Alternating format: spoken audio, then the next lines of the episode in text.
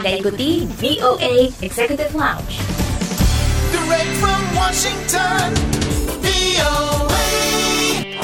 Halo apa kabar? Kembali bersama saya Dania Iman tentunya di VOA Executive Lounge yang akan menghadirkan cerita-cerita menarik mengenai diaspora Indonesia di mancanegara.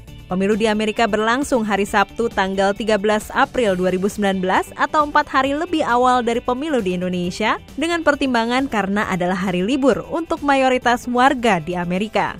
Namun penghitungan surat suara yang terbuka untuk publik akan tetap dilakukan tanggal 17 April di Amerika. Kali ini kita akan menyimak pendapat dari para milenial asal Indonesia di Amerika yang akan ikut ambil bagian dalam pemilu kali ini. Maka dari itu jangan ke mana-mana, tetap di VOA Executive Lounge. Ingin tahu berita menarik, terkini, dan terpercaya? Ikuti kami di Instagram at VOA Indonesia.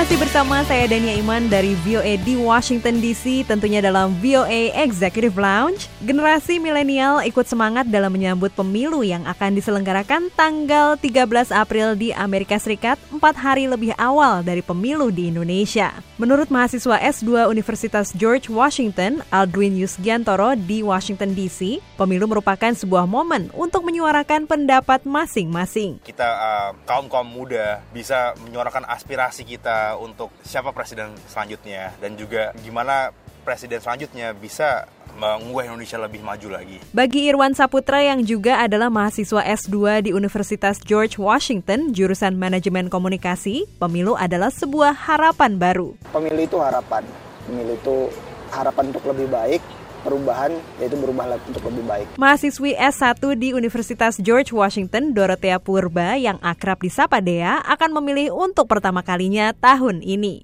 Menurutnya, pemilu merupakan sebuah keuntungan yang tidak dimiliki oleh setiap negara. sebagai negara demokrasi kan kita punya disadvantage kita bisa pilih pemimpin kita sendiri. Ekonomi menjadi faktor penting yang mendorong para milenial ini untuk tidak jadi golput. Ekonomi adalah yang, yang bisa membangun Indonesia untuk maju in terms of our economic growth and our economic development as well.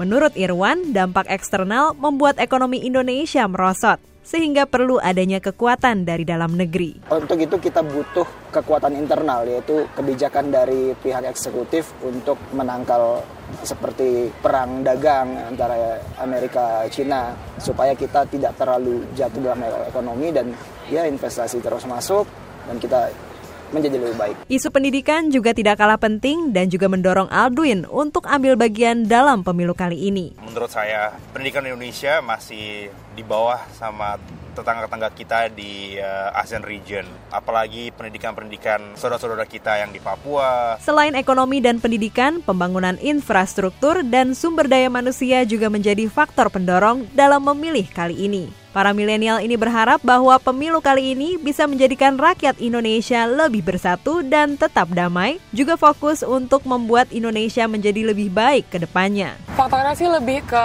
negara kita as a whole ya, nggak semuanya. Yang mana aja yang, yang lebih baik.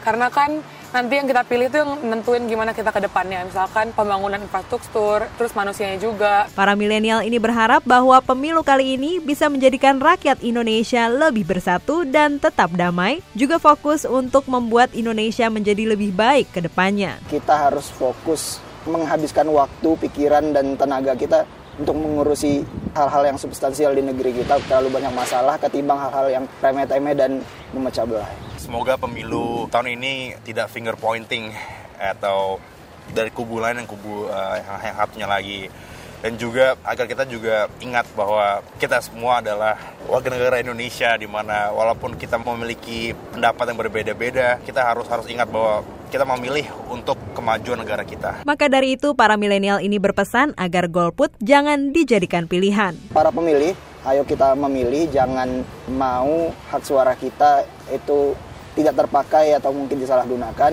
Dan untuk yang dipilih, tolong benar-benar dengarkan tampung aspirasi kita, khususnya milenial. Saya termasuk milenial yang sering digaung-gaungkan suaranya. Semoga itu bukan sekedar gimmick tapi benar-benar direalisasikan. Warga negara Indonesia yang tinggal di Amerika memiliki dua pilihan dalam menyoblos, yaitu langsung di TPS atau melalui surat suara yang dikirim melalui pos kepada panitia pemilihan luar negeri. Pemilu di Amerika berlangsung hari Sabtu tanggal 13 April 2019 atau empat hari lebih awal dari pemilu di Indonesia dengan pertimbangan karena adalah hari libur untuk mayoritas warga di Amerika. Namun penghitungan surat suara yang terbuka untuk publik akan tetap dilakukan tanggal 17 April di Amerika.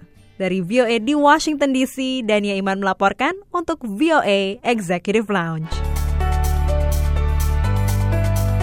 Ingin menyimak kembali siaran kami? Kunjungi situs kami di www.voaindonesia.com.